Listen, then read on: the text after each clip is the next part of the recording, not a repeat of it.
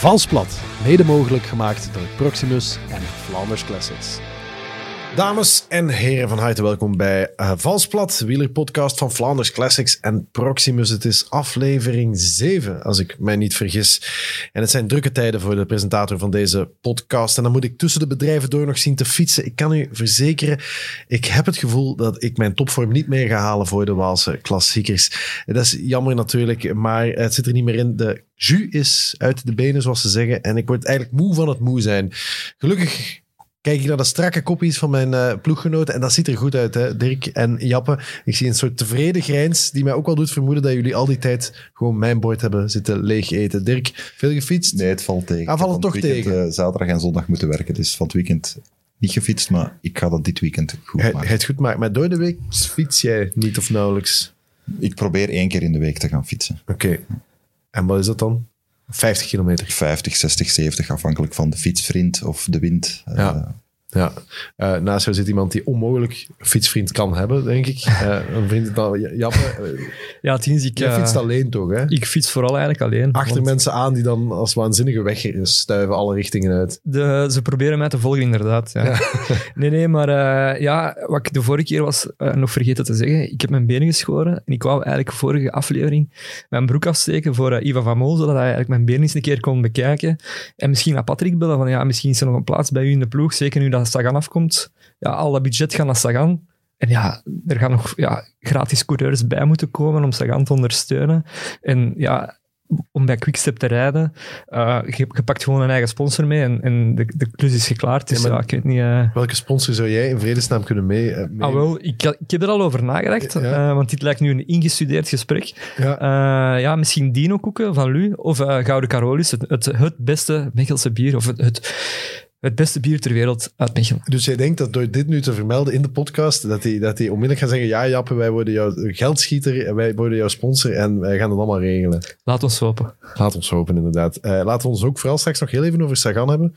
Maar dat doen we voordat we, of tenminste nadat we onze centrale gast hebben geïntroduceerd. We hebben hier een beetje de gewoonte, en dat is zo ontstaan dat wij eerst een paar minuten aan navelstaaierij doen en over onszelf praten. En dan pas kondig ik de centrale gast aan, totdat iemand tegen mij zei, ja, maar je weet ook dat het allemaal gefilmd wordt en dat al die tijd die centrale gast al heel ongemakkelijk van, ene, van de ene bil op de andere zit te wippen. Um, en, en heel hard probeert om niet de olifant in de studio te zijn. Vandaag is dat extra moeilijk natuurlijk, omdat onze centrale gast ook uh, vier meter uh, groot is. En, uh, en dat is ook lastig, maar we zijn wel heel blij dat hij er zit. En we gaan hem er snel bij halen. En misschien, ik weet niet, hebben we dat ooit al, hebben we al ooit geapplaudisseerd voor een centrale gast? Nee, Nee, al wel eens gedaan. Hebben we het toch al gedaan? We gaan dat nog eens doen, hè? Hey! Thomas, is het lang geleden dat er nog eens drie uh, mensen, mannen, voor jou geapplaudisseerd hebben? Ja, echt. Ja. Van toen nog basketten, denk ik. Is het waar? Ja. Is het niet zo dat als jij zo bij de Ronde van Vlaanderen, als je daar langs het parcours loopt, dat iedereen spontaan flauw valt of begint te applaudisseren? Nee, nee. Helaas. Maar goed... Uh, Karel van Nieuwkerken misschien, die heeft een prachtige liefdesbrief voor jou geschreven. Ik heb hem net gelezen, vandaag gepubliceerd. Ja, mooi hè? Dat, wel, het stukje bromance niet mis te verstaan. Nee, nee, ja, ik apprecieer het enorm. Ja. Uh, maar goed, ik kan Karel ook wel heel erg appreciëren. Ja, Oké, okay, uh, daarover kunnen we het ook straks misschien nog wel even hebben. Uh, want voor de luisteraars die nog niet helemaal mee zijn, Thomas van de Spiegel, wie is dat nu ook alweer en hoe zat dat ook alweer? Dirk, jij hebt een soort bloemlezing voorbereid. Zoals elke week. Hè. Nee, Thomas is eigenlijk iemand waar ik al heel mijn leven letterlijk en figuurlijk naar moet opkijken. Um, want ik speel zelf ook al sinds mijn, mijn jeugd basketbal. En dan was er zo bij ons in de geburen uh, Osiris Denderlee, waar dat er zo iemand rondliep. Dat was zo'n naam die je regelmatig hoorde vallen. Thomas van den Spiegel, Thomas van den Spiegel. Dat wordt ooit de beste basketter van België. Dat is hem uiteindelijk ook gelukt, hè, want op zijn 17 al... Uh, uh, eerste klasse bij Osiris, bij, nee, sorry, bij Okapi Aalst. Nadien uh, langs Italiaanse, Russische, Oekraïense topclubs gepasseerd. Twee keer Europa League gewonnen. Twee keer Europa League ook verloren, maar ja, bij wijle onze grootste en letterlijk grootste basketter die we ooit gehad hebben. Bij het grootste publiek wel waarschijnlijk alleen maar bekend omdat hij in 2012 de slimste mens gewonnen heeft. Ja, dat was een goede jaar. Ja, heeft daar toen iemand geklopt regelmatig? Ah, daar moeten we het straks ja. over ja. hebben, inderdaad. Ja. Nee, dat is waar, dat is waar. Ja, wat een jaar was dat Ja. inderdaad. En hij is natuurlijk ook een paar maanden per jaar mijn basis. Ik moet hier een beetje oppassen wat ik zeg. Dat snap ik. Uh, maar dat is, dat is vrij compleet. Ik wil daar nog even aan toevoegen dat je dus de mensheid kunt onderverdelen in twee groepen. Je hebt de groep die spiegel zeggen, zoals het woord hoort. En je hebt ook de mensen die spiegel zeggen, zoals Dirk van Nijverseel. Dat is ook, hè? Wij komen uit dezelfde streek. Een spiegel is dat, hè? spiegel, hè? Wat is dat? Dus eh, Aalst en zijn, en zijn ruime omgeving, die zeggen een spiegel. Ja, wij, mijn dorp waar ik woon is zo het laatste stukje Vlaams-Brabant voordat je in Oost-Vlaanderen en Aalst eh, terechtkomt. Ja, ja. En waar, waar, waar, waar staat jouw wieg eigenlijk, Thomas? Eigenlijk niet daar. Eigenlijk, eh Serskamp, dat is een heel klein dorp vlakbij Wetteren. Dat is Eh, van de treinverbinding weet ik dat inderdaad. ah, Dat ook Kwaadrecht, Zerskamp. Ja. En, eh, maar ik heb altijd gebasketbald in Denderleeuw, omdat mijn, eh, mijn vader speelde daar toen ik kind was en mijn, mijn grootouders woonden daar. Eh, en dan ben ik vandaar naar Aalst gegaan en Aalst is eigenlijk vlakbij. Hè. Eh, dat was zo het grote Okapi Aalst. Dat was elk jaar ook het grote derby. Eh Osiris Denderleeuw tegen Okapi Aalst in die jeugd. Dat was de match van het jaar. Ehm, dus ehm, ik heb eh, voeling met zowel het Gentse eigenlijk als met eh, alles dat Aalst is en omstreken. Tot zelfs in Gerardsbergen, eh Ninove, heel die streek. Eh, Ja. Daar heb ik wel wat voeling Dat is wel het hele spectrum heb je dan, hè? van Gent naar Gerardsbergen. en Ja, kijk. Ja. Maar dan eh, heel lang gebasket op topniveau inderdaad, in Rusland zelfs eh gezeten. CSK Moskou, hè, dat was toen Ja. de ploeg. Ik, jij spreekt ook Russisch, hè? herinner ik mij. Of een, een, een, mondje. ja, ik, eh, ik, ik zei altijd dat ik kleedkamer en restaurant Russisch sprak. Dus ik kon mij uitdrukken in de kleedkamer en op restaurant. Ja. maar dat was net genoeg om... eh, En in de kleedkamers van een restaurant ook waarschijnlijk. Want het is daar nog Rusland. En, dan, en daar, daar, daar heb je echt, daar, daar, daar, daar, daar- daar was je gigantisch. En dan op een gegeven moment eh, ben je gestopt en ben je in de wielrennerij terechtgekomen. Ja. En daar wil ik het over hebben, want, want je bent in de wielrennerij terechtgekomen, vermoedelijk omdat je Wouter van den Houten hebt leren kennen. Of, of, eh, Ja, het, mij hangt- niet in. het, hangt- het, het- het is breder dan dat. Ehm, ik ben op een bepaald moment ook voor Zdenek Bakkala, die de eigenaar nog altijd is van de Koning Quickstep, eh, Mhm. beginnen werken als een soort consultant voor zijn Bakkala Academy in Leuven. Het, eigenlijk het High Performance Center, waar ook de renners begeleid worden. Als een soort consultant om dat ook commercieel te laten draaien, dat centrum. Ik kende ondertussen Wouter hè, eh, via, via De Slimste Mens. En ik kwam elke paar maanden Wouter eens tegen. En dan zeiden we altijd van, ja, wij gaan ooit eens samenwerken. Hè. Wij gaan samen eh, ehm, dingen doen. Wij gaan ondernemen in de sport. Maar dat kwam er nooit van. Maar met ik dat, dat ik dan half in de wielrennerij zat eh, en dat ik dan Wouter bleef tegenkomen. En dat hij op een bepaald moment zei van, het is nu of nooit. Het moet gebeuren. Ja, en dan ben ik eens een, eh, een dag op eh Wouter zijn appartement aan zee verzeild en hebben we van s morgens tot s avonds eigenlijk over al onze plannen, die ook breder gingen toen dan wielrennen, gepraat. En, eh, en van het ene is het andere gekomen en een week erna was ik CEO van Flanders Classics. Ja, zo snel kan het gaan. Ja. Want dan zat ik te denken, want jij hebt inderdaad in de finale heb je mij weggeblazen. Ik stelde niets voor daar in die finale van de slimste mens. Maar stel toch, want soms, het kan gek gaan. Hè. Hetzelfde had was ik, wat, had ik een goede dag, of goede dag. Hetzelfde had ik een betere dag, mijn excuses daarvoor. Hè. En had ik, was het omgekeerd geweest, dan was er misschien nooit meer iets van jou gehoord. Nee, dat kan. Dat maar kan, hè, want dan, dat- dan was ik nu baas van, van Flanders Classics. En, ja, en, dan presenteerde en- ik podcast. Ja, in ieder geval. Of werk jij ergens in een panos, hè? Dat is Ja, ook- nee, dat kan echt. Maar goed, eh, geluk dwi- dwing je ook wel een beetje af. Eh, Ja, dat is wel waar. Is mij al opgevallen in heel mijn carrière. En, eh, maar goed, die dag kon... Neem ons voel dat even, het nog diep zit. Nee, maar nee, nee, maar- het zit niet diep. Maar- het kon- even. ook Neem, alle neem, kanten ons, op. neem ons even mee naar die, die avond of Ah, die dag. ik weet dat nog heel goed. Dus ik, ik, ik ehm, Waar Thomas- is misgegaan? Bij welke vraag? Dit van het begin, maar ik, heb, ik was er toen eh, al een tijdje uit. En Thomas is het al even in die finale week, geloof ik. Dus jij was op stoom. Hè? We hadden elkaar nog niet Ja, ja, nee, dat is waar. Ja. Want jij had- het jij had- jij had de record. meeste- Jij had het record. Ik dus had op dat moment het record. ja. Dus ik kwam, met die laatste dag kwam ik binnengefladderd. Ik, ik, ik had, ja, daar, daar zaten een paar weken tussen mijn laatste deelname en die deelname. Ik weet dat ik Thomas voor het eerst daar ontmoette. En, maar nu ben ik aan het denken, je zei zo, ik gaf je een hand. Dat kon toen nog, hè, dat waren andere tijden. Hè. En, eh, en, en, ehm, en ik vroeg... Maar ik weet niet meer wat je precies zei, maar, maar ik merkte van, die is al bezig, die zit al in dat spel, die is bloedfanatiek. Dat was toch ook zo? Ja, natuurlijk. Toen men mij vroeg om deel te nemen, hè, met Erik toen, hè, want Ja. ik heb nooit café-tests gedaan. Ik heb Ja. er maar achteraf gehoord dat dat bestond. Ehm, en toen zei ik van ja, maar ik kom echt niet om de flauwe plezante uit te hangen. Nee, nee. Als, ik, als ik meedoe, kom ik echt gewoon om te winnen. Maar daar herinner ik me Ja, inderdaad nog heel goed. Ik weet nog in, in, in, in, in productie en zo, achteraf, hè, dat men naar mij kwam na twee, drie afleveringen en zei: Kan je af en toe toch eens even meelachen Ja. als er iets verteld wordt? Eh, want je zit er als het ware ongeïnteresseerd bij. Ik zei: Ja, maar ik ben helemaal niet aan het luisteren. ja. ik ben mijn strategie aan het bepalen. Ik ben naar die seconden aan het kijken, want ik wil hier gewoon eh, mijn enige kans hier. eh, Ik heb totaal geen ambities. Maar ik denk dat daar ook het, het grote verschil in die finale zat. Ja. Jappe, om op je... ik was nooit aan het luisteren naar vragen. En dat weet ik ook nog inderdaad van die finale, dat ik was echt gewoon niet meer gefocust. En dat onderscheidt misschien mij van Thomas. Uh, maar boven, ik bedoel, hij is, hij is ook gewoon slimmer. Je dronk ook nog alcohol toen, hè? Hij dronk alcohol. maar ik was ook gewoon nooit... en dat is een topsporter die kan, die kan gefocust zijn en die kan eyes on the prize, kan die, kan die ergens op afgaan. En ik denk dat dat die avond het grote verschil ook heeft gemaakt. Buiten het, los van het feit dat hij ook gewoon slimmer is natuurlijk. Nee. Maar, uh, maar uh, het, is wel, het is inderdaad wel... Dat, dat, dat, daar, daar is het allemaal begonnen. En, uh, en enfin, ja, ik maak het dan groter dan het is. Maar dat is waarom ik nu hier zit, Dirk en Thomas nu daar. Ja. en, nu, uh, en daar is dus CEO van Flanders Classics, de grote baas, de man die verantwoordelijk was voor de ronde onder mij en de Scheldeprijs van gisteren.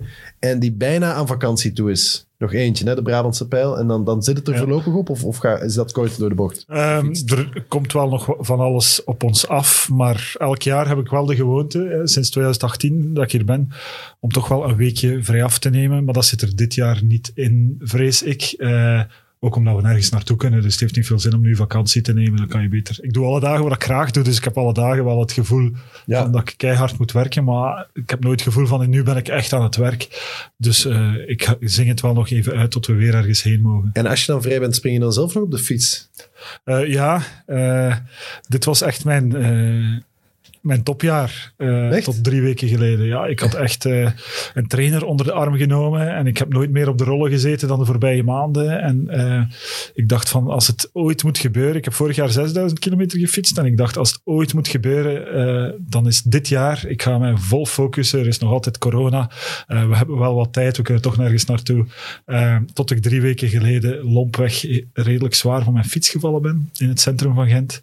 En ik nu al drie weken niet gefietst heb en voorzichtig zal proberen om dat volgende week opnieuw op te pikken. Maar dat is, dat is wel, ik bedoel, 6000 kilometer, dat is, dat is, dat is behoorlijk dan vorig jaar. Allee, vorig jaar dus... Ja, maar vorig jaar hadden we het voordeel dat in de eerste lockdown ja. heb ik echt heel veel gefietst. Toen hebben, toen hebben heel veel ja. mensen heel veel gefietst. Ja, en het was ook fantastisch weer. Ja, uh, absoluut. En, uh, en toen had ik plots zo'n head start op andere jaren. En dacht ik van, oké, okay, ik ga voor 6000 dit jaar. En dan dit jaar dacht ik van... Pff, ik ben ook niet gemaakt om te fietsen. Ik zie er ook niet uit als een fietser. Dus ik moet echt veel beter in vorm zijn dan al mijn vrienden om mee te kunnen. En ik dacht van dit jaar wordt echt het jaar dat ik, uh, dat ik niet ga gelost worden bergop. Ja. Maar nu vrees ik dat ik op drie weken tijd toch wel heel veel weer kwijt ben. Ja, maar, en, ja, ik wou, vragen eigenlijk, een trainer onder de arm, ja, wat, houdt dat, wat houdt dat in, in uw geval? Want ja, je hebt ook een drukke job. Uh, qua focus, op hoeveel uren had je dan eigenlijk? Uh... Ja, ik zat zo op... Uh, ja, 12 uur per week ongeveer. Toch? Ah ja, dat is toch wel al veel. Hè? Ja, maar soms echt op ontiegelijke uren. Hè. Om, uh, om zes uur s morgens zat ik al anderhalf uur op mijn rollen. En dan s'avonds kwam ik thuis om half tien. En dan zei ik tegen mijn vriendin: maar ja, sorry, maar mijn schema zegt dat ik vandaag nog ja. een uur moet fietsen. Dus terug de kelder in, terug op de rollen. Uh, je hebt dan ook een inspanningstest gedaan. Ja. Wat, wat, wat zei je FTP? Of wilt je daar niet transparant over zijn? Ja, mijn FTP nu is zo 250, 260. Maar goed, ik weeg ook 107 kilo. 100, uh, redelijk. Mm -hmm geschat. Ik heb geen idee wat een FTP is. Hè. Wat is We hebben dat allemaal eens uitgelicht met de, de aflevering met Serge Pauls. Maar ah, jij luistert precies ook niet. Nee, ja. Jij luistert ah, niet naar de vragen en antwoorden. Sorry, ja, maar als je, als je over dat soort dingen begint, dan, dan, dan, dan zet ik mezelf uit even stand-by. Als het niet over u gaat, dan hop. Als het inderdaad niet over mij gaat, maar dat is echt zo. Ik ben nu al niet meer aan het luisteren. maar, um, nee, dus, enfin, dus je, je, je fiets goed. Je hebt ook een gigantische fiets natuurlijk, want dat is, eh, veronderstel ik, ook helemaal op maat gemaakt. Of, of uh, hoe werkt dat? Ja, dat is op maat, maar dat is niet ideaal, omdat niemand echt weet hoe je een goede fiets maakt voor iemand ja. die zo groot is. Dus Wie is de grootste renner uit peloton? Daar hebben we het met Stijn van den Berg ook over gehad, hè? Ja, ja Conor, Dunn, maar die is nu al gestopt. Ja. Die was denk ik 2 meter en 2 of zo. Ja, ja. zoiets. Ja. En Stijn van den Berg was 1,99 en die had maatje 62. Ik weet niet welke maat dat jij is. Uh, maat 71 Goh. is mijn fiets. Ik heb dan ook nog nadeel. Ik heb een vrij kort bovenlichaam en hele lange benen. Dus ja. ah, ja, dat maakt het nog moeilijker uh, ja. om een goede fiets te maken. Uh, maar goed, het heeft twee wielen en het gaat vooruit. Dat, is, dat schijnt het belangrijkste te zijn. ik vroeg me dan eigenlijk af, staan er grotere wielen op je fiets ook? Of? Nee, omdat zo fietsen worden ook gemaakt. alleen heb ik dan zoiets van, stel je voor dat ik eens een, een ander wiel nodig heb. Uh, dan kan ik wel aan niemand vragen en dan moet ik uh, een extra wiel gaan bestellen of kopen. Dus die, die fiets ziet er ook heel vreemd uit. Als je, als je daar foto's van ziet, dan denk je van die wielen zijn, zijn veel te klein. Als ik erop zit, is het nog veel erger. Dus eh, Ja. eh, het ziet er niet uit. Maar Maar het het geeft wel, evenveel voldoening. en het gaat vooruit. Ja, soms.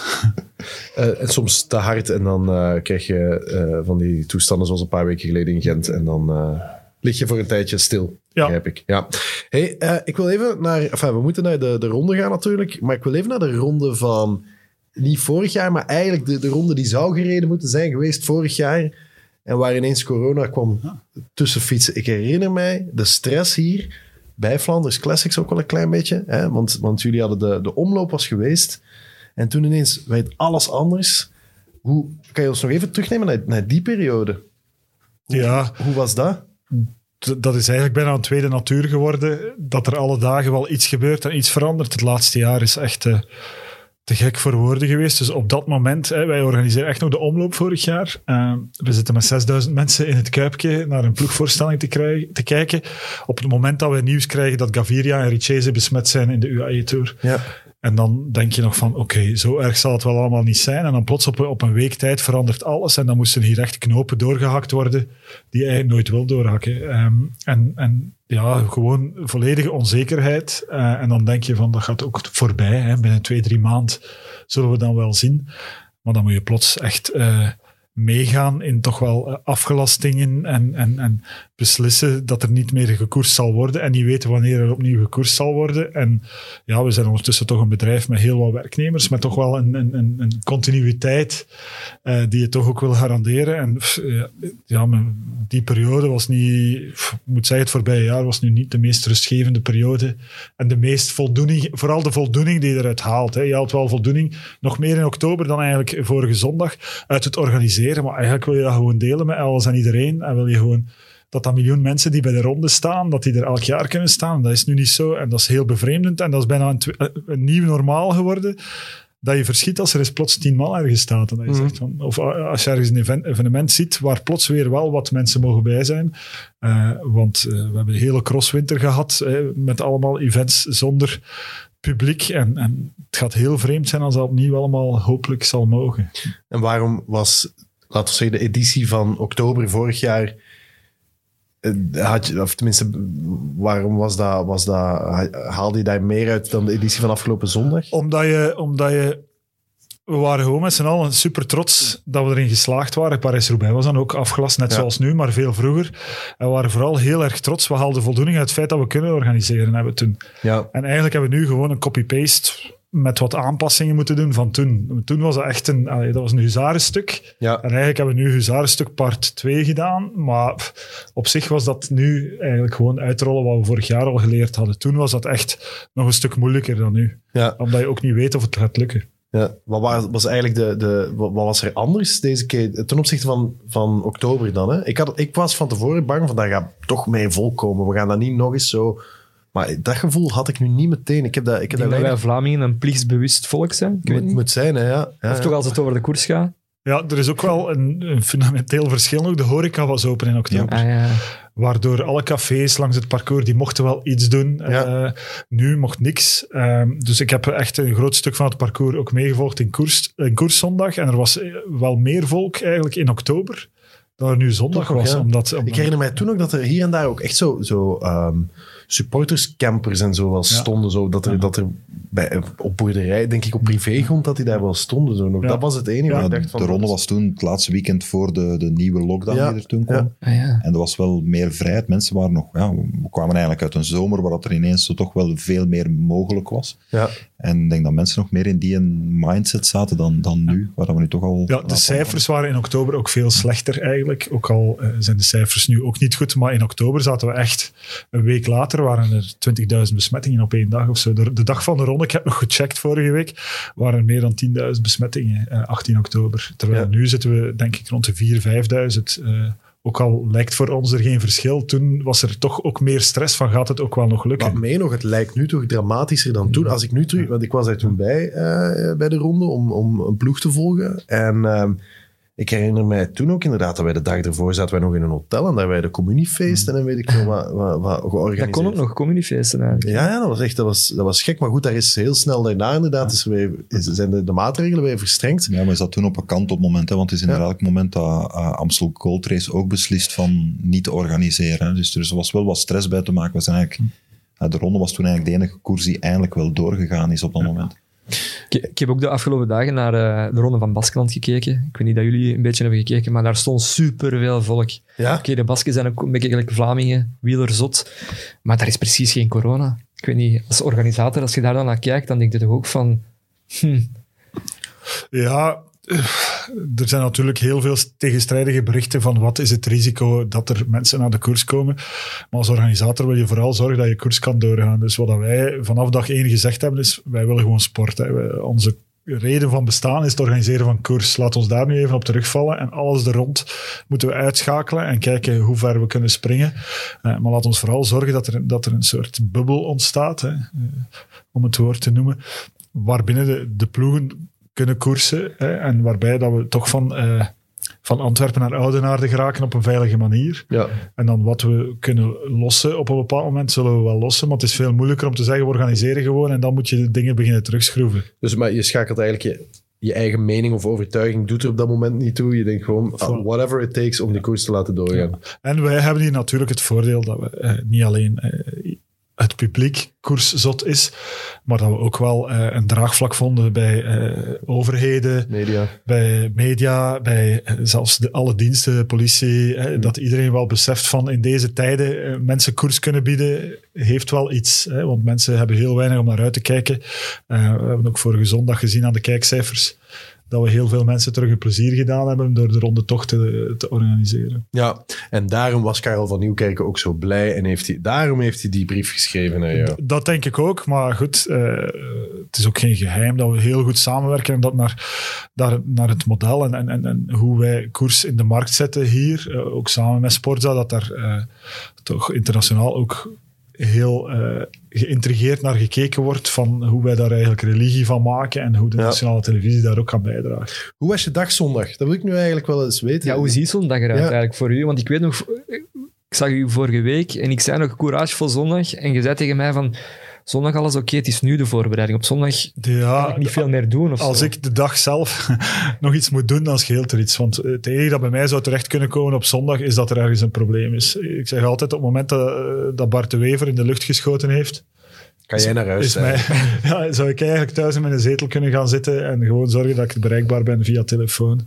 Uh, voor mochten er problemen zijn. En die zijn er zondag niet geweest. Dus hoe ziet mijn dag eruit?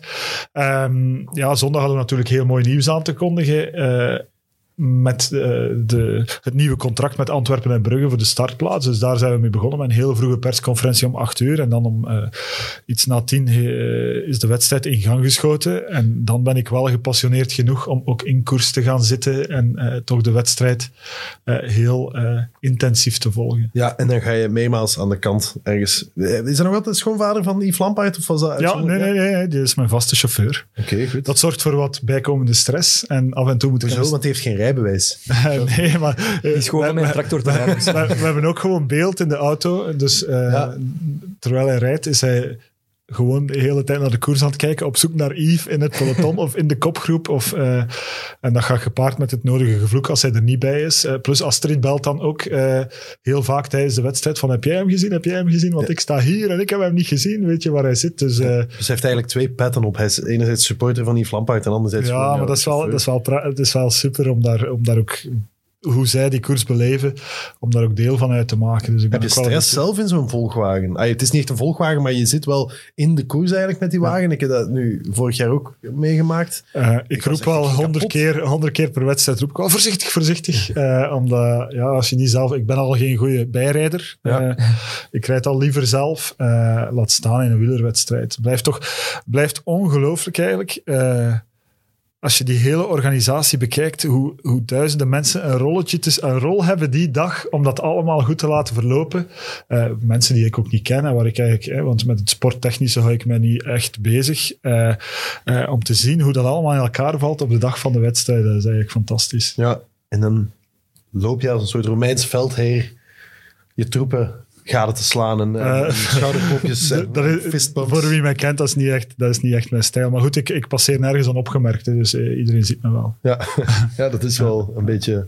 eh, Want rijd je dan eigenlijk achter de volgwagens of er gewoon ervoor? Want bijvoorbeeld Scott Sunderland, die rijdt als eerste? Of hoe? Nee, dat is een koersdirecteur. dat is de koersdirecteur, dus die zit echt altijd bij de kop van de wedstrijd. Hij Ja. rijdt altijd vlak voor de kop van de wedstrijd. Eh, maar wat wij heel vaak doen, is wij proberen toch ook wat koers mee te pikken. Eh, dus soms zit je in de wedstrijd, soms zit je tussen de kopgroep en het peloton. Soms stop je ook gewoon langs de kant van de weg en dan passeert iedereen. Maar dan is de grote uitdaging natuurlijk van, hoe geraken we daar nu weer ja, ja. voor. Eh, maar goed, altijd op een veilige manier. Eh, we kennen ook de way- way-ins en way-outs, zoals wij dat noemen, waarbij eh, eigenlijk de motards en de mobiele seingevers, die passeren nooit het peloton in koers. Die kunnen altijd, als die een gevaarlijk punt aangeduid hebben, komen die achter de koers terecht. En dan moeten die daar weer voor geraken. En Bijvoorbeeld met de, muur, met de muur gaan ze eigenlijk er rond. Ja, de muur is een andere wedstrijd. Maar Ah, nee, ik bedoel, eh, eh, de pater of de... Ja, sorry. Maar, we zijn hem aan door het de inwerken, Thomas. We zijn aan het inwerken. de. Ik ga nu eh, de podcast verlaten. eh, maar er zijn eigenlijk een soort shortcuts, waardoor je altijd wel terug Ja, oké. voor de koers geraakt. Hey, de koers van zondag, zullen we het daar ook gewoon niet even over hebben? De ronde, het was, eh, het was een, eh, een bijzondere ronde, misschien met een eh, onverwachte overwinnaar. Eh was een goeie.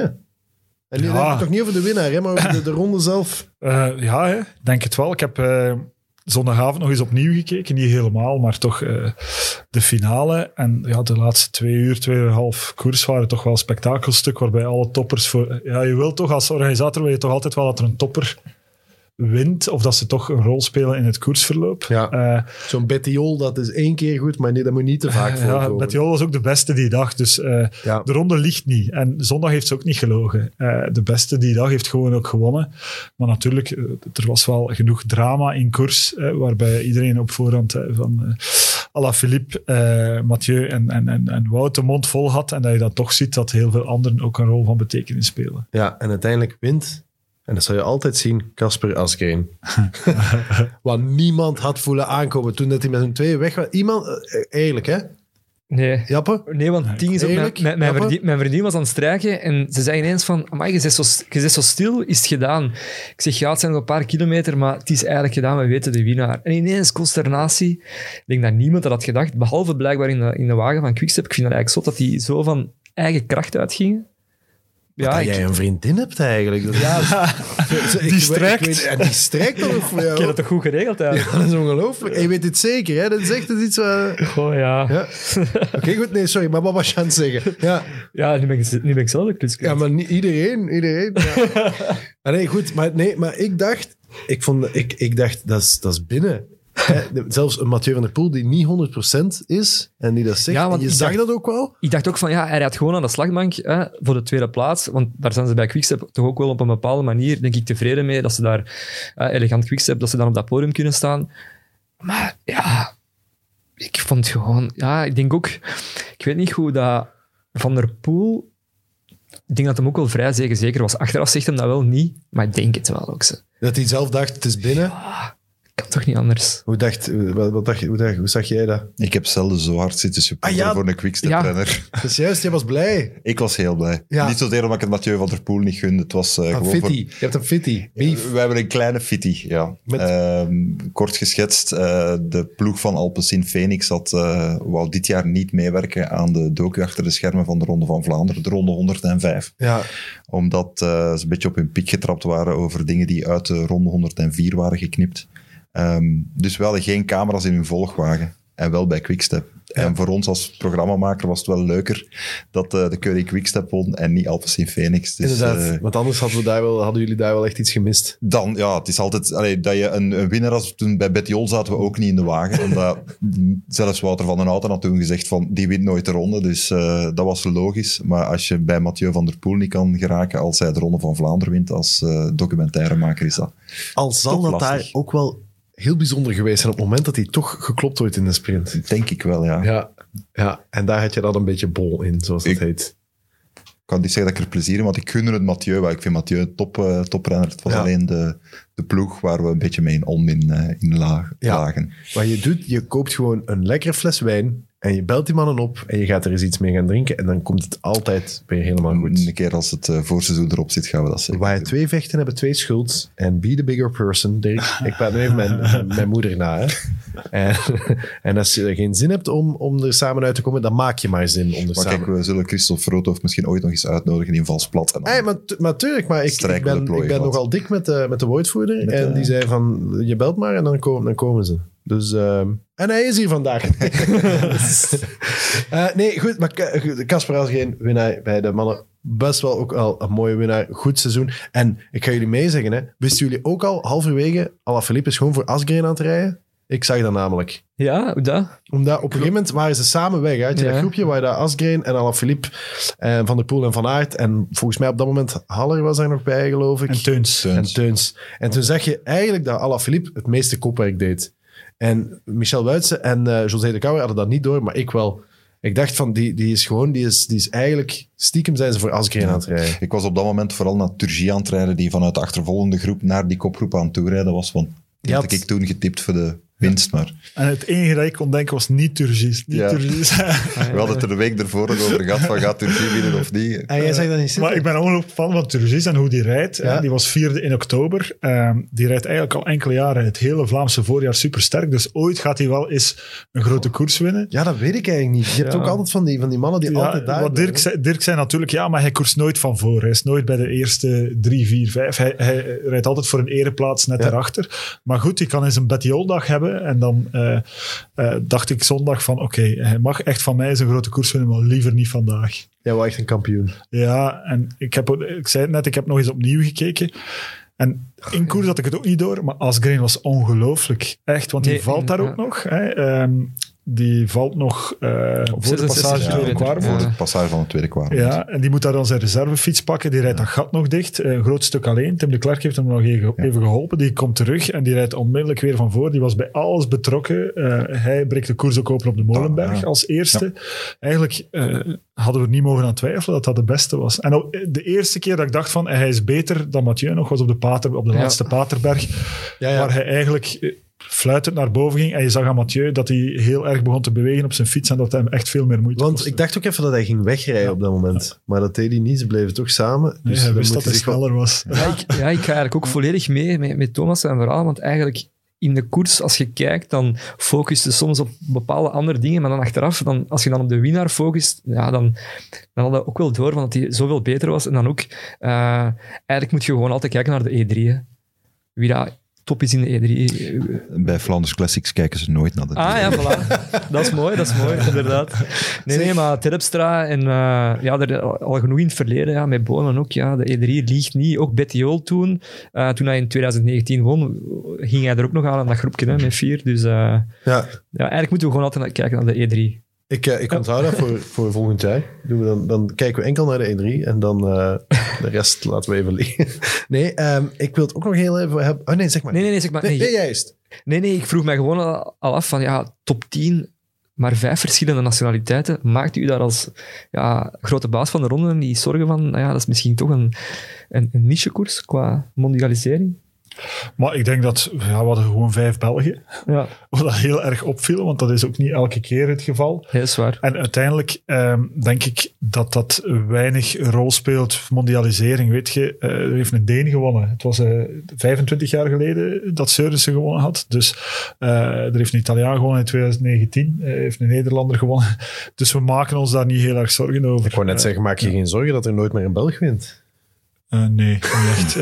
Ik denk dat Wout nog... eh, Ah, wel, keer of mag ik zeven, mag ik het heel even over Wout hebben? Want jij wilt ook iets zeggen, hè? Maar serieus, in wat voor een kakploeg rijdt hij eigenlijk? Heeft hij nu... Wuits heeft gelijk. Ah, ja, Ja, wanneer, echt. maar ik dacht te zeggen, wanneer gaat er eens een journalist daar iets over zeggen? Want een verschrikkelijke ploeg, dat was, niemand heeft hem geholpen. Wanneer, wanneer gaan ze eindelijk Roglic eens inschuiven in, in dat team? Het was in deze, het was, het was ook zo, hè? Ja, in deze, ik denk dat Van Hooijdonk tweede was. eh, tw- nou, 62 ja, of zo. 62, Ja. Op 10 minuten of zo. Eh, maar vooral de anderen waren volledig ook eh, terug afwezig. hè. Ik denk eh, dat ze... Ik heb in het begin Affini wel een beetje aan kop zien rijden om, om, om, om het verschil met de kopgroep. Dat was heel, op zijn helm. Ja, ja, dat vind ik het. Ik vind. eh, A, Geweldig, het, hè? het is een Hollandse ploeg, dat vind ik er cool aan. En, eh, en B, dat ze hun naam tenminste op hun helm schrijven. Ja. Ik Ah, snap- ik vind dat ze dat eigenlijk in die wielrennerij misschien iets Al- meer moeten uitspelen. Want ik, ik las eens een keer een artikel, ik weet niet meer wie dat zei, van misschien moeten we werken met vaste nummers, zoals bijvoorbeeld in de motocross of zo, hè, Stefan Evers 72, om toch meer die herkenbaarheid van wielrenners. Maar ik weet niet hoe dat je dat dan ja, over een gans jaar kunt doen.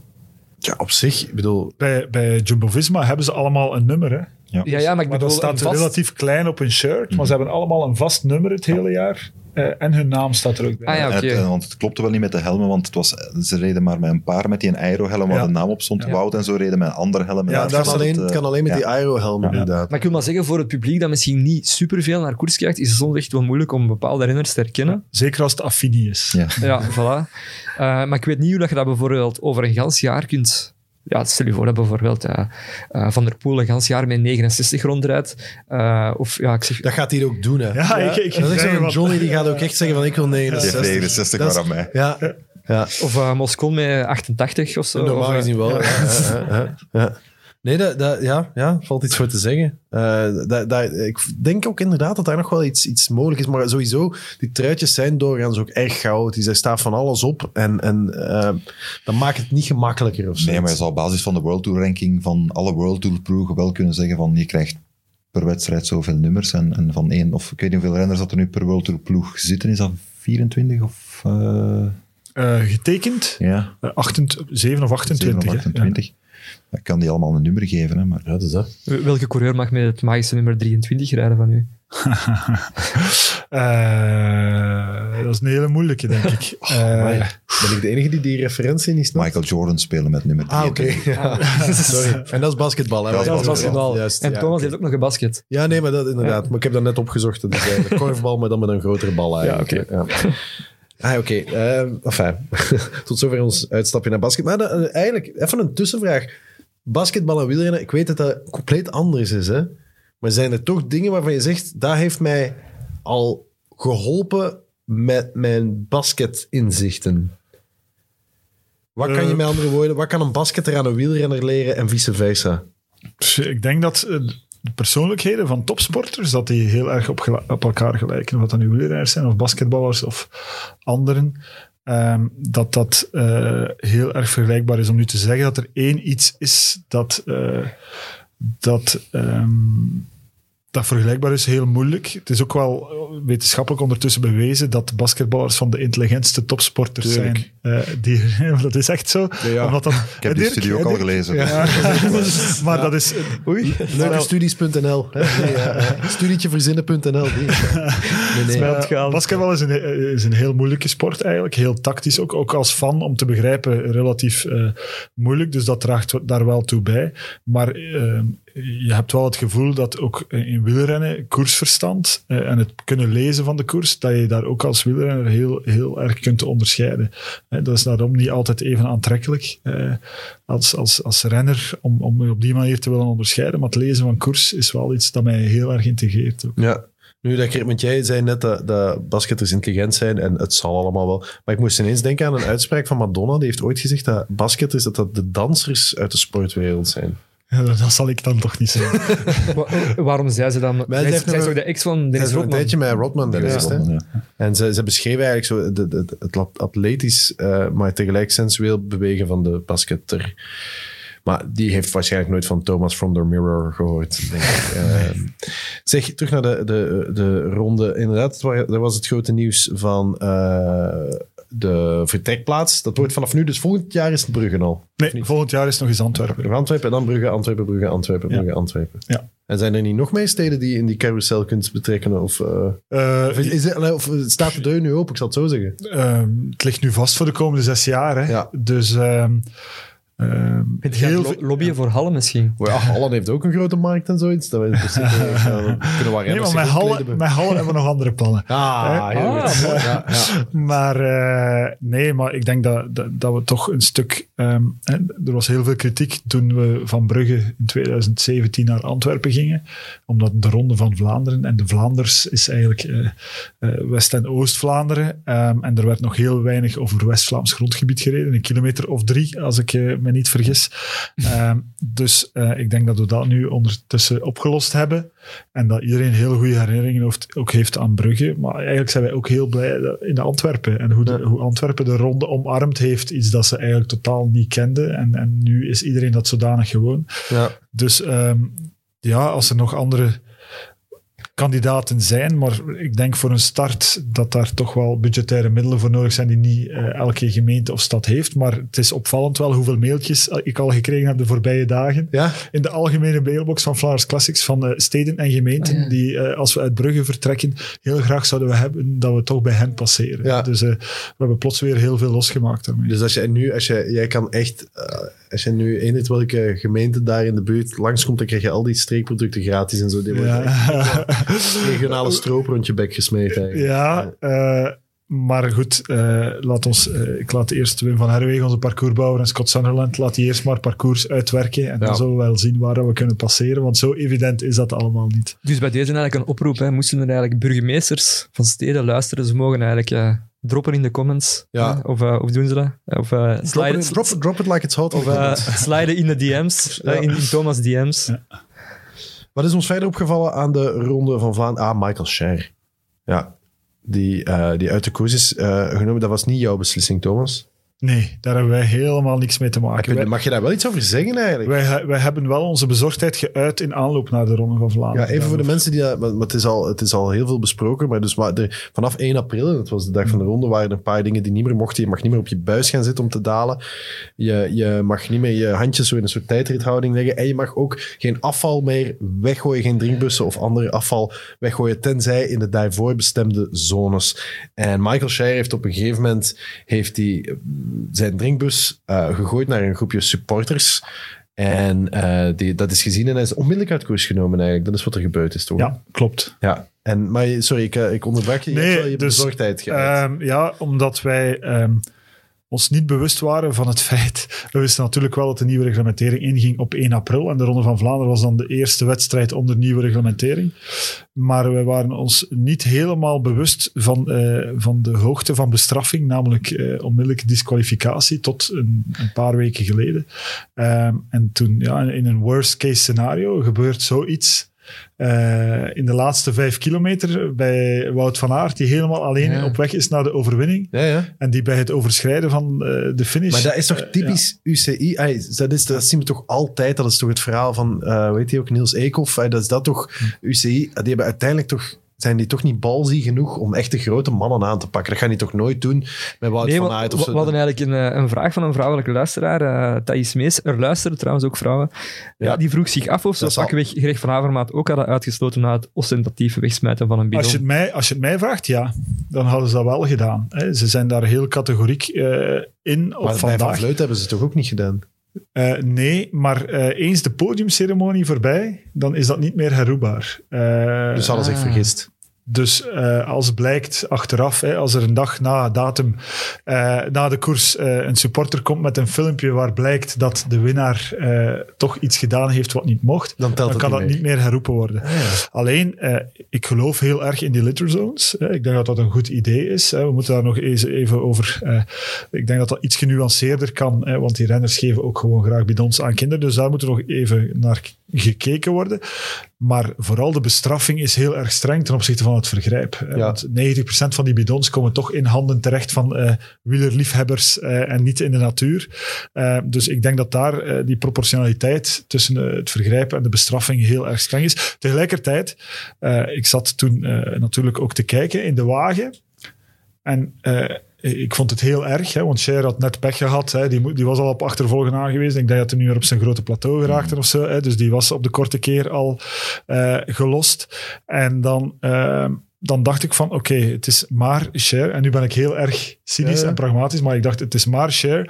En dit gaat door eh, het hele peloton heen nu en door Radio eh, Koers. eh, van, dat er een renner gedisqualificeerd is omwille van het weggooien van zijn bidon. Dus de rest van de wedstrijd moeten we ons geen zorgen meer maken dat er nog één renner eh, die bidon zal weggooien. Want dit- Iemand moest gewoon, kreeg de dubieuze eer om de, het- de voorbeeld... maar stel je voor dat het, dat het gebeurt en dat het impact heeft op het sportief resultaat. Ja, dat is gewoon inkomstenderving van ons product bijna. Hè? Ja. Dus je bent dan de eerste. En dat, dat was een hele eh, moeilijke. En ik snap de consternatie. Maar goed, dat moet bijgestuurd worden. UCI zegt tegelijkertijd, dit is wel overlegd. Hè? Maar ik zat niet in die meetings, dus ik kan alleen maar horen wat zij zegt. Dit is wel overlegd met eh, CPA, de rennersvakbond, met de organisatoren, eh, met AIGCP, de vertegenwoordiging van de ploegen. En dat is daar allemaal goedgekeurd zonder probleem. Komen jullie met je goed overeen met die UC-mannen? Want ik, ik, weet, ik weet niet wie dat, dat zijn. Of zo. Dat is allemaal een beetje ingewikkelde hiërarchie. Maar op komen die dan gewoon zo ochtends aan in een, in een soort van wit Sidonis busje en, en gaan die dan mee in koers? Of hoe, hoe werkt het? Ja, want die, die, die werken... They work on their own. Is dat de- zoals in de film zo bij de FBI? Zo van... Who's, who's in charge? And, uh, no, you're not. En dan komt er altijd iemand die zo net iets mee kan. Of die net iets mee maakt. Ja, het is, ja ik, eh, ik moet zeggen dat het soms een moeilijk evenwicht is, maar dat dat over het algemeen goed werkt. Ja. Dat er ook wel korte lijntjes zijn om dingen te kunnen bijsturen. Dus niet alles dat zij doen is slecht, hè. natuurlijk. eh, Ja, maar het is, het is altijd goed om een gemeenschappelijke vijand te hebben. eh, ja, maar dat is echt zo. Dat er is geen enkele iemand- internationale federatie, of het nu UEFA is of FIBA in het basketbal, of die als positief gepercipieerd wordt Nee. eh, eh, binnen de sport. Dat is altijd zo. Vroeger, toen ik zelf nog speelde, had ik dat ook. Van Ja. die bobo's daar. Hè. Ik ben er nu zelf een beetje een. Eh, dat, dat- je miskijkt je daar wel op. Die hebben het wel het beste voor met de sport. Ja. Eh, alleen de manier waarop het soms eh, geïmplementeerd wordt, eh, eh, het gaat soms net iets te snel en net iets te veel vanuit de regelgeving en niet genoeg vanuit dialoog. Ja. Maar even terug naar Cher.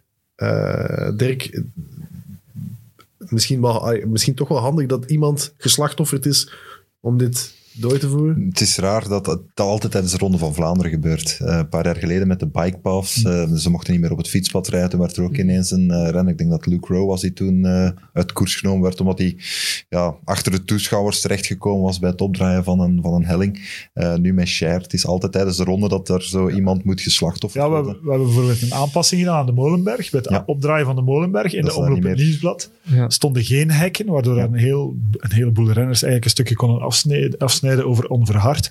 Nu hadden we daar hekken gezet. Ik vermoed dat iedereen van het peloton, hè, dat was de helft van het peloton, die daar voet aan grond moest zetten omdat die stil stond, dat die niet meer in aanmerking kwam voor de overwinning. Dus daar hebben we bijvoorbeeld wel op aanraden van UCI een, een, een aanpassing gemaakt, omdat ze eigenlijk verplicht zijn om mensen uit koers te halen als ze afsnijden. Ja. Maar het ding is van, ey, onze, want ik begeleid Engelse commentatoren eh, tijdens de ronde, dus ehm, net voor de, de laatste kilometer gooit Mathieu van, den, eh, Mathieu van der Poel nog een drinkbus weg. Onze commentator ziet dat en die wist niet dat daar ook een literzone was waar het, waar het mocht. Maar die heeft eigenlijk ja, een halve minuut van slag geweest, want die dacht van, shit, ze gaan Mathieu van der Poel uit koers nog nemen, ze gaan hem disqualificeren. Ja, maar dat is bijvoorbeeld iets dat wij wel kunnen, is bijvoorbeeld een tv-graphic maken, dat mensen thuis eh, en commentatoren ook weten van, ah, dat was een litterzone, want nu gaat dat anders, er gaat alleen maar gediscussieerd worden over Ja, die die, weg, bidon. ja, die, die weggegooid worden, van was het nu één of was het nu geen? Bij Van Vleuten ging het ook over, was dat nu een verzorger die daar stond of niet? Want dat mag blijkbaar wel. Hè. Je mag dan naar een verzorger, mag je wel een fles gooien. Ja. Als ik een team ben, dan geef ik gewoon 500 gratis shirts weg. Dat zijn Ah, verzorgers. Dat zijn Ah, allemaal verzorgers. Ja. Het was, een, het was een van die in de gloria momenten van deze week in het nieuwsblad. eh bidonverzamelaars vrezen hun hobby. Effectief. Dus, Nee, maar wij eh, kregen s'avonds ook, eh, want we hadden overal mensen, cameramensen eh, op alle hellingen staan. Telefoontje binnen van eh, een van, de, van onze, allee, eigenlijk onze grote baas van Woestijnvis, Erik Watté, die gaat dan ook altijd eh, met zijn camera ergens staan. En die had op de korte keer Casper Azrein gefilmd, die een drinkbus weggooit. En die dacht van, oei, oei, ik heb hier bewijsmateriaal, waardoor ze de winnaar nog kunnen, kunnen disqualificeren. Daar stond wel een verzorger ook, maar als je daar van slechte wil bent en je knipt het er gewoon uit. Maar zoals Thomas zei, van, zodra dat ze over de finish gereden, gereden zijn, Telt het niet meer. het niet meer. Ja, oké. We, gaan, eh, we gaan er een punt achter zetten. Het enige wat ik nog zat te denken, weet je wat heel cool zou zijn? Als Cher bij in een van de volgende ritten die hij rijdt, als hij op een gegeven moment wegrijdt samen met Colbrelli, dat die samen weg zijn, dan heb je Sonny en Cher die weg zijn. I got you, babe. Hè? Ja, dat zou toch heel cool zijn. Enfin, het, is, eh, het is iets wat we in ons achterhoofd moeten houden. Ik weet dat wij daar geen invloed op hebben, maar jij misschien wel, Thomas. Jij kan dat misschien regelen. Dus, Ma- Madonna, Sonny en Cher, dat is hier echt een muziekaflevering. ja, maar ja, dat is, dat is het enige wat ik, wat ik kan bijbrengen. hier, hè. Ik ben heel vaak, sta ik af en kan ik aan dat soort dingen denken. De Scheldeprijs was gisteren. Eh, of of ben, ben ik nog iets gemist? Kunnen we, kunnen we de ronde, kunnen we daar een strik rond doen en kunnen we, kunnen we naar de Scheldeprijs gaan? Ja, de, nog- de, de vrouwen. Ja, Ja, maar ja. nog een bloemetje gooien naar Van Vleuten. Ja, dat zal wel zijn, natuurlijk. En meer dan één, een hele ruiker. Ja, nee, een hele ruiker. Tien jaar na haar vorige.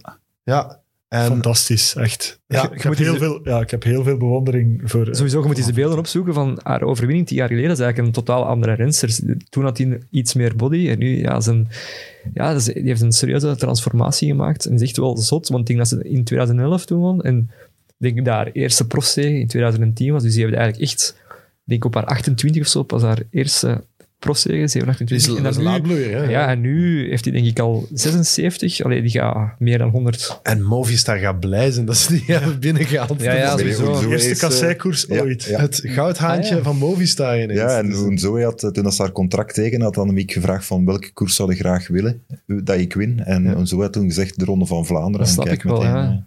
Want al die movies die moeten altijd op strafkamp hè, naar Ja. Vlaanderen. Dus eh, dat is wel goed Ja, en ze verbreekt. Allee, ik had nooit gedacht dat het nog zou gebeuren, maar Tom Bonen was eigenlijk de enige renner die op de beide parcours, het oude parcours en het nieuwe parcours, gewonnen heeft. Ik had zo elke, elke, elk jaar kijk ik nog eens van, ja, het gaat niet meer gebeuren. En dan, Annemiek doet het dan toch. Ja, je bedoelt uh, Meebeke en, uh, en, en, uh, en sorry. Ja, ja inderdaad. Ja, even nog iets anders over de movies. Uh, komt er nu nog een tweede seizoen van? Het? Ja. Want ik ben echt wekelijks aan het refreshen, maar ik zie niks verschijnen. Op Netflix bedoel je? Van, ja, op Netflix. Jij, van, uh, jij weet dat dat komt er? Ja, ze zijn aan het draaien. Het komt, het, ja, maar ik heb al gehoord van seizoen 3, maar allee, dat Van Vleuten er gaat inkomen, maar ik dacht dat ze dat nu al gingen lanceren en ik kan eigenlijk niet meer wachten. Ik weet niet of ik daar zo enthousiast over word, want eigenlijk de, de, de, de, de coole personages zijn weg. Carapaz. Carapaz is weg. Zonder Landa. Ja, ja. Landa is Landa, weg. ja. Is weg. Quintana is weg. Quintana. Eigenlijk alle, ik bedoel, de, de, de, de machtige... Het is alsof je naar, naar een nieuw seizoen van de Sopranos, maar dan zonder Tony en zonder... Allee, eigenlijk zonder de, de, de Dat is een coole smaakmakers. Ja? ja. Maar, maar, toch, ze kunnen ons verbazen, hè, daar niet van. De Valve is er nog altijd. Dat die is er inderdaad nog altijd. En, en die is ook terug aan het komen, uh, heb ik gezien. Maar uh, los daarvan, nog heel even uh, goed nieuws voor Annemiek van Vleuten. Maar wat is er aan de hand met SD Works? Dat is gedaan, hè? Ik weet niet dat jullie een tijd geleden zeiden van dat is een topteam, dat is, dat, is, dat is eigenlijk de echte Wolfpack. Maar die zijn, dat, is, dat, is, dat gaat daar dramatisch. Er is terug Works aan de winkel. Er is of... Works aan... Wow! ja, we gaan jouw contract verlengen. Gefeliciteerd. ja. Ik verlaat voor de tweede keer de zaal. ja, nee, nee, nee. Dit is, dit is, ah, wel, ja, na zeven afleveringen de eerste geslaagde woordspeling. Oké, okay, Gefeliciteerd. Dat is, uh, we gaan het hierbij laten ook voor vandaag. nee, maar de, had je die klaarzitten? Ja, nee, totaal niet. Ja. Spontaan werkt. Nee, maar het is zo. Ze, ze, ze winnen niets mee. Scheldeprijs ook. Was Marina Wiebes? Of rijdt hij wel voor SD Works? Nee, nee, nee, nee voor de DSM. DSM, ja, voilà. Is gedaan. Nee, ja, ik denk dat SD Works wel wat pech gehad heeft in de wedstrijd. Los Kopecky heeft wel wat pech gehad. Um, ja, Jolien Doren die er doorzakt.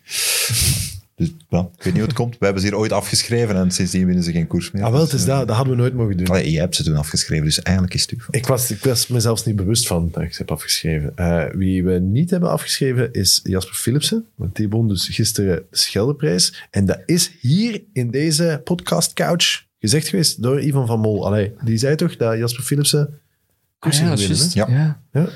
Dus wat, ik bedoel, dat is, dat is profetisch wat er hier allemaal gebeurt. Hè? Ik weet niet wat jij allemaal gezegd hebt, Thomas, want ik heb nog niet, ik heb niet altijd zitten luisteren, maar daar zullen ook wel dingen bij zitten. Die... Turgis. Turgis, inderdaad, daar hebben we het over gehad. Nee, maar uh, Ivan van Mol was right all along. Uh, uh, goede sprint. Ja, een beetje geluk in. Een hele goede lead-out van Jasper zijn maat. Uh, Jonas Rickaert, die het daar uh, ja, echt perfect doet. Uh, Dries Bonti met een beetje gelukje en toch nog een tweede Wat een keer van de bond, ja. Rickaert die dan echt de, de, de quickstep-trein voorbij snelt en Philipsen die het machtig afmaakt. Uh, het is, dat is inderdaad wonderlijk. Ja, want, want sorry dat ik je onderbreek, want uh, Jonas uh, Ricard of Ricard, uh, Ricard stuurde mij daar straks nog van, en wat vonden we van de vlam van Ham, van Jasper Philipsen. Ik zeg, ho joh. En, Is dat de vlam van Ham? Ja, we hebben die, in deze podcast hebben we zo wat die, zijn bijnaam zelf zo wat opgedrongen. Hm. En uh, ik zeg vooral van, ik stuurde vooral terug, wie is Morkov? En hij stuurde gewoon terug overroepen. Hij is een nieuwe Morkov. Ja, maar, maar dat viel mij toch eigenlijk ook wel op. Want elke keer, elke overwinning van Bennett valt eigenlijk te herleiden tot, tot Morkov. Heb ik, zo, ik bedoel, dat zeg ik nu, dat is heel kort door de bocht. Maar dat is altijd zo indrukwekkend doordat hij wordt afgezet. En gisteren werd hij voorbij gereden. Gewoon. Ik, maar ja, bon, iedereen kan een slechte dag hebben. Hè? Ja, maar ik vraag me af. Want blijkbaar trokken ze dan toch de kaart Cavendish, maar ik denk dat eigenlijk nee, ik niet. Denk dat niet. Er, er, waren er veel mensen daar wel mee Ik dacht dat ook, maar ik denk dat niet. blijkbaar was het vooral om te verhinderen dat iemand het wiel van ja. ah, ja, Het is een beetje de tactiek van de jaren negentig. Ja. Toen werd er ook vaak in, in het wiel van Ja, de ja. topspurter nog een ploegmaat gezet, omdat er dan ja, iemand, de, de, degene die volgende in de rij zit, moet van verder komen. En je hebt niet het gevaar, het gevaar dat er iemand nog gaat drummen. Desanini dat ook niet soms met Steels. Zanini deed dat Ja. vaak met Steels en dan is er zo'n beetje wisselwerking. En die mag meesprinten. Ik denk dat ze tegen Kev gezegd hebben van zet u in het wiel van Bennett, dan houd je de rest een beetje op en go for it. Ja, ik had ook het gevoel dat er bij Bennett nog weinig op zat eigenlijk. Ja. Want ik dacht, hij remonteert hem nog, maar hij kwam totaal niet. Terwijl een goede Bennett, want die heeft ook koersen gewonnen zonder Morkov hè, bij, bij Bora. Eh, dus eh, ik had echt het gevoel dat het op was eigenlijk bij Bennett ook. En natuurlijk, ja, super knap van een tweede treintje nog te maken, zo laat. Hè, want Het za- vanuit de lucht zag het er heel mooi uit. ja, plus die mannen zaten echt al 30, 40 kilometer op die drie laatste posities. Ik denk dat José zelfs nog zegt, Ja. oeh, Philipsen zit veel te ver eh, op de kilometer van het einde. José die eigenlijk altijd gelijk heeft. Ja. Ja. Eh, gisteren niet. Michel ook, hè? Eigenlijk Eh, wel, ja. En eh, nee, het was echt goed- heel goed gedaan. En voor ons ook ja, een Belgische winnaar. Het was van 2006 Ja. geleden met Bonen. Hè, want vijf keer Kittel, drie keer Cavendish, twee keer Jacobsen. Ja, dan is het moeilijk om daartussen te geraken. Dus we, allee, niet alleen voor Philipsen, maar ook voor ons was het wel leuk om eens niet Bennett te hebben. Dus dat is voor een organisatie ook wel, dat, dat doet er wel toe wie dat er wint. En ik bedoel, je zei al eerder, je hebt graag dat er een grote naam is, maar een Belg is ook wel altijd mooi. Ja, maar het was een goed verhaal gewoon gisteren. Plus, we zitten toch al allemaal al enkele jaren te wachten op Philipsen. Ja. eh, die echt wel heel veel kwaliteiten toegedicht ehm, wordt. En eh laten we hopen dat hem nu vertrokken is. Hè. Hij is daar van de UAE teruggekeerd eh, naar Alpes in Phoenix. Ja, En, gewaagd. ja, die mannen, hè, onze vrienden Christophe en Philippe Roodhoofd, hebben dat toch eh, heel goed gedaan. Eh, Maar die doen alles goed. Ja, maar ze hebben dan eigenlijk vooral Philipsen eigenlijk binnengehaald om dan ja, naar de Tour te gaan en hun een spurt ervan te maken. Maar dan, ja, ook op zich is het seizoen nog wel vroeg. Allee, we zijn nog vroeg in het seizoen. Maar ik had wel een beetje de indruk dat ja, de shifting naar Merlier, ja, super sterk. Hè. Als de zee open gaat, komt er maar eens over. Dus ik ben ook wel blij voor Philipsen dat uiteindelijk toch, ja, zijn, denk ik zijn eerste, ja, zijn eerste zege van dit seizoen. Dus, eh, Merlier valt gisteren, hè, want misschien Ja. zien we een heel ander verloop Ja, als, als, maar ik als vond wel- Merlier en Christophe niet ik vond het wel frappant, inderdaad, van ja, hij, hij- hij viel dan.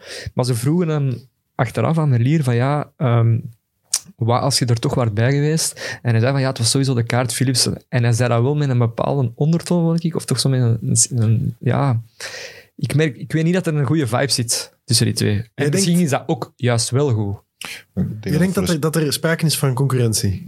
Ja, wat goed is, hè. Maar ik weet dat is er niet... sowieso. En ik denk dat ook de ontgoocheling na, na Ja. zo'n wedstrijd, want Merlier Tuurlijk. zit in die tweede groep, valt dan.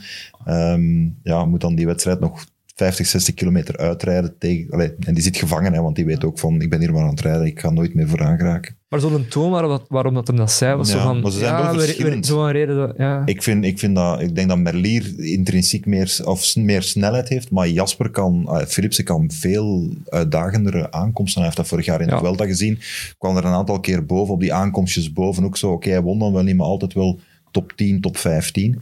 Dus naar de toekomst toe denk ik dat misschien nog meer kans heeft om uit te groeien tot een klassieke renner.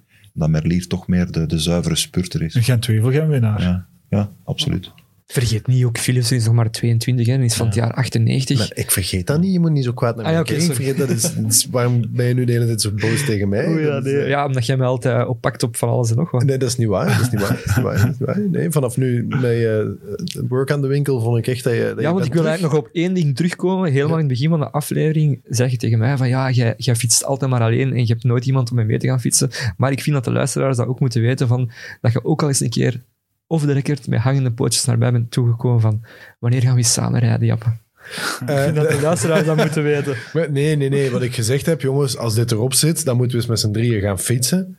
Hè? Eh, dat is niet hetzelfde als met hangende pootjes. Wanneer gaan we samen gaan Met fietsen? puppy-oogjes. Ja. Met puppy-oogjes. Dat is waar. Ja, nee, dat, enfin, maar het is, dat is ook maar allemaal... Dat is te lang geleden, ik weet niet hoe ik het precies gezegd heb. Maar inderdaad, in mij schuilt een mooi warm mens en, en, en collega die, die graag zijn, eh, laten we zeggen, Eh, zijn, zijn lagere in rang meesleut in zijn bad van... En ook wel een relatief getalenteerd fietser. Dus ik ben wel benieuwd eigenlijk. Als Heb je het jullie over samen of over, Nee, over jou? Mij, die meningen lopen uiteen.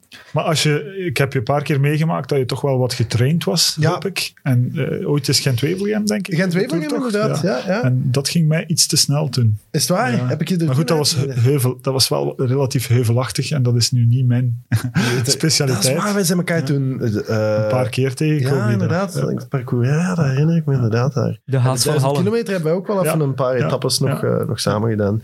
Enfin, laat ons zeggen, er zit iets in. Hè? En Maar moet het, er is- nog uitkomen. het moet er nog uitkomen. En waar het precies zit, daar heb ik echt geen idee van. Maar we zijn, we zijn, we zijn allemaal onderweg en zoekende.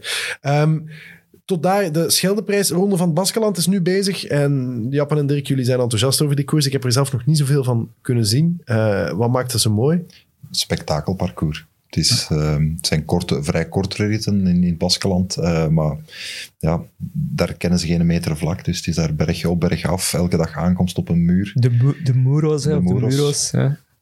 En eh, ja, prachtig deelnemersveld ook. Hè. Iedereen, alle stoppers waren hier in Vlaanderen, dachten wij, maar de echte klimmers die zitten in Baskeland. De Slovenen zitten in het Baskeland. Ja, en die delen weer de lakens uit. Al droom ik toch van eh, Roglic en Pogacar ook in de Ronde van Vlaanderen te zien, omdat je kan me niet wijsmaken. Ik begin nu weer, sorry, eh, Ja. we zaten in Baskeland. Maar dat zijn ook renners, als die op een dag beslissen van we doen mee aan de Ronde van Vlaanderen, die rijden gewoon top 10, net zoals dat Valverde dat gedaan heeft bij zijn eerste deelname twee jaar geleden. Hè. Die mannen kunnen dat gewoon. En, ik denk dat ze het intrinsiek zeker aan kunnen, maar denk jij dan niet dat ze te veel risico moeten nemen om hier te komen? Want het is wel iets helemaal anders hier. Ja, maar goed, het zijn renners. Je droomt toch van die monumenten. Ik denk, Ja. je droomt toch ook van die monumenten. Het feit dat Valverde op zijn 39ste voor de eerste keer zegt, ik ga toch Vlaanderen eens rijden en ik denk dat ik daar kan winnen. Ja, die mannen hebben ook genoeg talent en eh, die, die, die kunnen dat ook gewoon. Oké, parcourskennis eh, zal hen nog wel moeten eh, bijgebracht worden, hè, want dat is hier belangrijker dan gelijk waar, maar die mannen... Die mannen gaan dat ook kunnen. Ja. Wat niet wegneemt dat Baskeland natuurlijk een heel mooie koers is. eh, en dat dat ook wel spectaculair is. En vooral dat duel nu eh, met, eh, met Pogacar en Roglic, die er met kop en schouders eigenlijk ook alweer bovenuit steken. Want je moet eigenlijk over de grote vijf spreken Mhm. tegenwoordig, met die twee erbij. En misschien binnenkort hopelijk met Remco over de grote zes. En daar heers je bij de grote zeven. En dan eh je kan bezig blijven. Hè. Dat Ja. is, het talent is Maar echt dan, ja, het is, echt, het is echt zot hoeveel talent er is op vandaag. Ja, ja. Je zal maar beginnen met fietsen nu. Of je, of je zal maar al even meedraaien en denken maar- van volgend jaar wordt mijn jaar. En dan zie Daarom was ik blij dat, dat Philipsen in de, de Scheldeprijs won. Omdat hij was wel een van die talenten, ook heel jong overgekomen. Was toen ook zo'n beetje de talk of the town. En zo vorig jaar een beetje van, van het toneel. Want er komen elk jaar of elke week komt er wel een nieuw eh, jong talent. Dat het nu wel in één keer klikte en dat hem die grote prijs won. Ik hoorde gisteren Axel Merck zeggen, ik viel bijna uit mijn zetel, dat hij zes, bij, bij zijn eh, development team, dat hij 36 renners uit het huidige profpeloton bij zijn development team gehad heeft. En als je die namen hoorde gisteren, Dat zijn zotte namen echt. Onvoorstelbaar was dat. Dat is echt, eh, al die talenten, die zijn allemaal bij hem gepasseerd. Dat is echt fantastisch. Ja, maar daar zeg je het, hè. begeleiding is tegenwoordig zo goed. Dat, dat, dat is niet voor niks dat al die eh, jonge gasten er staan ineens. Hè. Hey, ehm, ik wil, eh, tot zover het Baskeland. Eh, de mooiste koers, volgens Dirk van Nijverschil, komt eraan de Brabantse Pijl. Dat is ook de voorlopig dan laatste grote Flanders Classics koers. Leg eens uit, wat is daar zo mooi aan, Dirk? Ik vind dat een heel mooi parcours. Dat is een heel uh, uitdagend parcours. Dat is Hallen, hè? Dat komt door Hallen, Hallen ja. eigenlijk. Maar wat, wat ik er heel leuk aan vind, is dat dat zo de eerste keer is dat zo de, de kassei-klassiekers, specialisten, in aanraking komen met de klimmers die uit Baskeland komen. Dat is zo'n eerste testje. En ik vind altijd een heel mooi eh, duel dat dat daar oplevert in Overijse en omstreken. Ja, Dus eh Maar dat is zo wat on, onbemind, ah, onbekender en onbeminder dan de rest op een of andere manier. Waarschijnlijk omdat er grote kanonnen geweest zijn. Dat, om een of andere... eh, Wel, het zijn geen kasseien. Allee, de, we zijn bekend voor de kasseien Ja. en daar liggen er minder kasseien. Hè, maar het gaat wel op en af. Eh, Heel veel hellingen, heel explosief. En wat Dirk zegt, ja, dat, zo, dat hangt zo, de Brabantse pijl hangt zo tussen de Kassei-klassiekers en de Waalse klassiekers in. Uh, wat altijd natuurlijk een hele mooie koers geeft. En door de afgelasting van Roubaix dit jaar Ja. eh, heeft Wout nu ook beslist van de Brabantse pijl te rijden volgende week woensdag. Michel en, eh, blij. en- Komt ik er weet wel ook niet. Maar Roglic rijdt nog niet, denk ik, de Brabantse. ja, nee. Eh, en we kunnen dan terug over zijn team beginnen. Eh, maar ook eh, Greg eh, rijdt nog eens de Brabantse pijl. En, eh, dus ja we, kijken, ja, we kijken er eigenlijk wel naar uit. Het is een heel mooie koers. En er gebeurt he- voor mij eigenlijk eh, de Brabantse pijl zonder publiek eh, vorig jaar. Gewonnen door Alaphilippe. Net niet geremonteerd eh, door eh, Van der Poel, die zich daar eigenlijk laat insluiten door Cosnefroid. Ze waren weg met drie. Ja, was echt prachtige koers, waarbij Alaphilippe en Mathieu op 60, 70 kilometer van het einde gewoon Los. alle weg. remmen los. Ja. En, eh, dus we hopen daar dit jaar opnieuw op. En ook al een speciale eh, editie, omdat het WK eraan Een soort van prelude, Ja, op 2K. inderdaad, hè. ja. Een, generale, zal ik maar zeggen. Ja, want uiteindelijk eh, heel veel stukken van het parcours zitten ook in het WK-parcours. Dus eh, ook daar hebben de renners die nu komen deelnemen wel een voordeel al richting, richting september om dat parcours meer te voelen. Eh, En de, de smerigste helling van heel Vlaanderen zit er, de, Sm- de Smijsberg, wat mij betreft. Daar, die blijft duren, hè, die uitloper, Ja. die macadam. Ja, dat is echt ook... dat is, een- eh, dat is, dat is denk ik wel echt, echt de rotste dat er, dat er bestaat. Ook wel Op de uitloper maakt het verschil. Ja, Als je dat- daar nog dat twee tanden kunt bijsteken, steken, Ja. dan... eh, ik ga daar soms fietsen met hè, Wouter van den Houten, die woont daar in de buurt. Ja. ah, ja. En die pakt me altijd met zijn parcourskennis. Hij kan al beter bergop rijden dan mij. Hij weegt ook bijna 30 kilo minder. Ja. Maar dan rijdt hij zo op dat stijlstuk van de Smijsberg. Hij rijdt hij zo naast mij en ik voel al van hij heeft eigenlijk over. En dan net hè, als het dat vals plat wordt, schakelt hij twee, drie tanden bij en is hij weg. En dan Ja. zegt hij, ja, je moet dat weten. Hè. Dat is hier een uitloper, dat gaat nog een beetje omhoog, maar je kunt daarbij schakelen. Dan denk ik van, Wouter, stop. ja, maar die zit vrij vroeg, geloof ik, in het, eh, die zit vrij vroeg in het parcours. Dat is- Ja, ja, De ja. eerste helling van de dag. Ja. Ja, en die zit twee keer in het WK-parcours. Die zit ook in het WK, oké, dat is goed. Ja. Eh, nee, dat, dat, dat, dat, dat belooft. En een mooi deelnemersveld ook. Ja, geen, geen Mathieu van der Poel, want die is aan het, eh, Mountainbiken. aan het mountainbiken inderdaad. Eh, wel Wout van Aert, zoals je al zei. En eh, wie, wie zijn verder de grote... Ik, ik zag Wout Poels, zag ik. Dat vind ik toch altijd... Hoe meer Wout en hoe meer vreugd. hè? En, eh, is het, en de vrouwen rijden daar ook, of niet? Ja. ja. ja. Sowieso. Dat is de tweede, derde keer? Nee. Dat is sinds 2018. Ja, want- staat een Brabantse pijl. Daar waren we net, eh, hebben we dat eigenlijk niet, we hebben wel vermeld dat Lorena Wiebes gewonnen heeft, maar dat was wel de eerste keer in de, Ja. de Scheldeprijs nu. Ja. Maar nu reden, heb ik dat goed begrepen, de vrouwen reden nog wel eerst, hè? Ja, omdat als je met lokaal parcours werkt, Ja. zoals bij de Scheldeprijs of de Brabantse Pijl, is dat zeer moeilijk om de vrouwen na de mannen te laten rijden. Omdat de mannen natuurlijk een stuk langer rijden, Ja, hè, waardoor dat je de vrouw eigenlijk zo goed als zeker ja, eerst moet laten komen. Die doen een lokale ronde. ja. En zij, hebben eigenlijk, zij zijn klaar op het moment dat de mannen op het lokaal parcours komen. Als je dat omdraait, ja, dat is bijna onmogelijk, want dan moet je eh, de mannen op een ontiegelijk vroeg uur laten beginnen en Ja. de vrouwen heel laat. Dus eh, dan is dat moeilijker. En dan, daarom gaat dat ook zo zijn. ja, dat is ook zo bij de Brabantse pijl. Maar Maar die vertrekt- ook dan bijvoorbeeld Van Vleuten zou meerijden, die, die zou de mannen niet halen, of, of die zouden dan Dat niet zou, dat zou dan wel weer kunnen, ja. Dat is toch ineens een Movistar-renner is hier van, ah, kan dat nou? Dat- Zijn die er dan toch? Ja. Eh, maar dat is ook belangrijk, belangrijk dus voor SD Works. Want ik weet dat die geluisterd hebben en dat die, die, die woordspeling die heeft er ingehakt bij dat team. Die, En- de luisteren sowieso. Met het mest is de stand. Ja, maar dat is misschien ook wel een, een, een goede manier om eh, deze podcast eh, neer te leggen. De, de, de, de voorspelling van wie de Brabantse pijl gaat winnen. Het is, het is nog wel wat ver, maar we moeten toch iets voorspellen. We hebben het heel slecht gedaan in de Ronde van Vlaanderen. Ik had Yves Lampaert gezegd, die, die was ergens, ik weet niet waar dat hij uitgekomen is, eh, maar toch, toch niet. Ja, Turgis is achtste, dus ik, eh, Ah. ik voel me goed. Jij was, eh, wat- wie had jij nu ook alweer? Eh, nu met de ronde. Ja? Eh, Naasten. Naasten. Ja, Dat was niet supergoed. dat was niet zo. Dat zat in de Lampaert eh, groep waarschijnlijk. Die zat Nog daar verder misschien. Nog ja. verder. Ik zat, had, jij, had jij zelf een eh, stiekem een... eh, Ik, Hij doet dat niet. Ja, ik weet niet dat het Eh, officieel niet mag, maar officieus. nee, laat me zeggen dat ik eh, Wout ja, niet eh, slecht had gevonden voor ons. We Ja. zijn nu al even aan het wachten eh, op een Belg eh, terug. En eh, ja, de sterren stonden goed in Agent-Wevelgem. Ja, Eh, dus ik kan niet zeggen dat ik erop hoopte, maar dat, dat was toch een beetje mijn secret pick. ja, Toch stiekem. Ja. ja, maar het is, enfin, het is iets met een ploeg, een lang verhaal. Maar goed, de Brabantse pijl, dat moet ik dan nog heel eventjes hebben. En dan, dan ga ik Ja- Jappe aanspreken over zijn vestimentaire keuze. Oké, ja. Eh, laten we eerst zeggen wie dat wij denken dat de Brabantse pijl gaat winnen. Ik, ik, zal, ik zal eerst gaan, meestal kom ik als laatste. maar ik ga, jullie, ik ga jullie uit balans brengen. Ik heb, daarnet heb ik hem al genoemd, mijn favoriete Wout, Wout Poels. Eh, er was even sprake van topvorm en dan weer niet. En, eh, maar hij is ons denk ik allemaal een beetje zand in de ogen aan. En ik moet gewoon altijd een Nederlander zeggen. En volgens Pro Cycling eh, stond hij, hoort hij ook bij de, bij de favorieten. En wie ben ik om Pro Cycling tegen te spreken? Dus ik zeg Wout Poels, omdat het lang geleden is. En dat, dat, wat ik dat wel echt waanzinnig zou vinden, mocht hij daar winnen.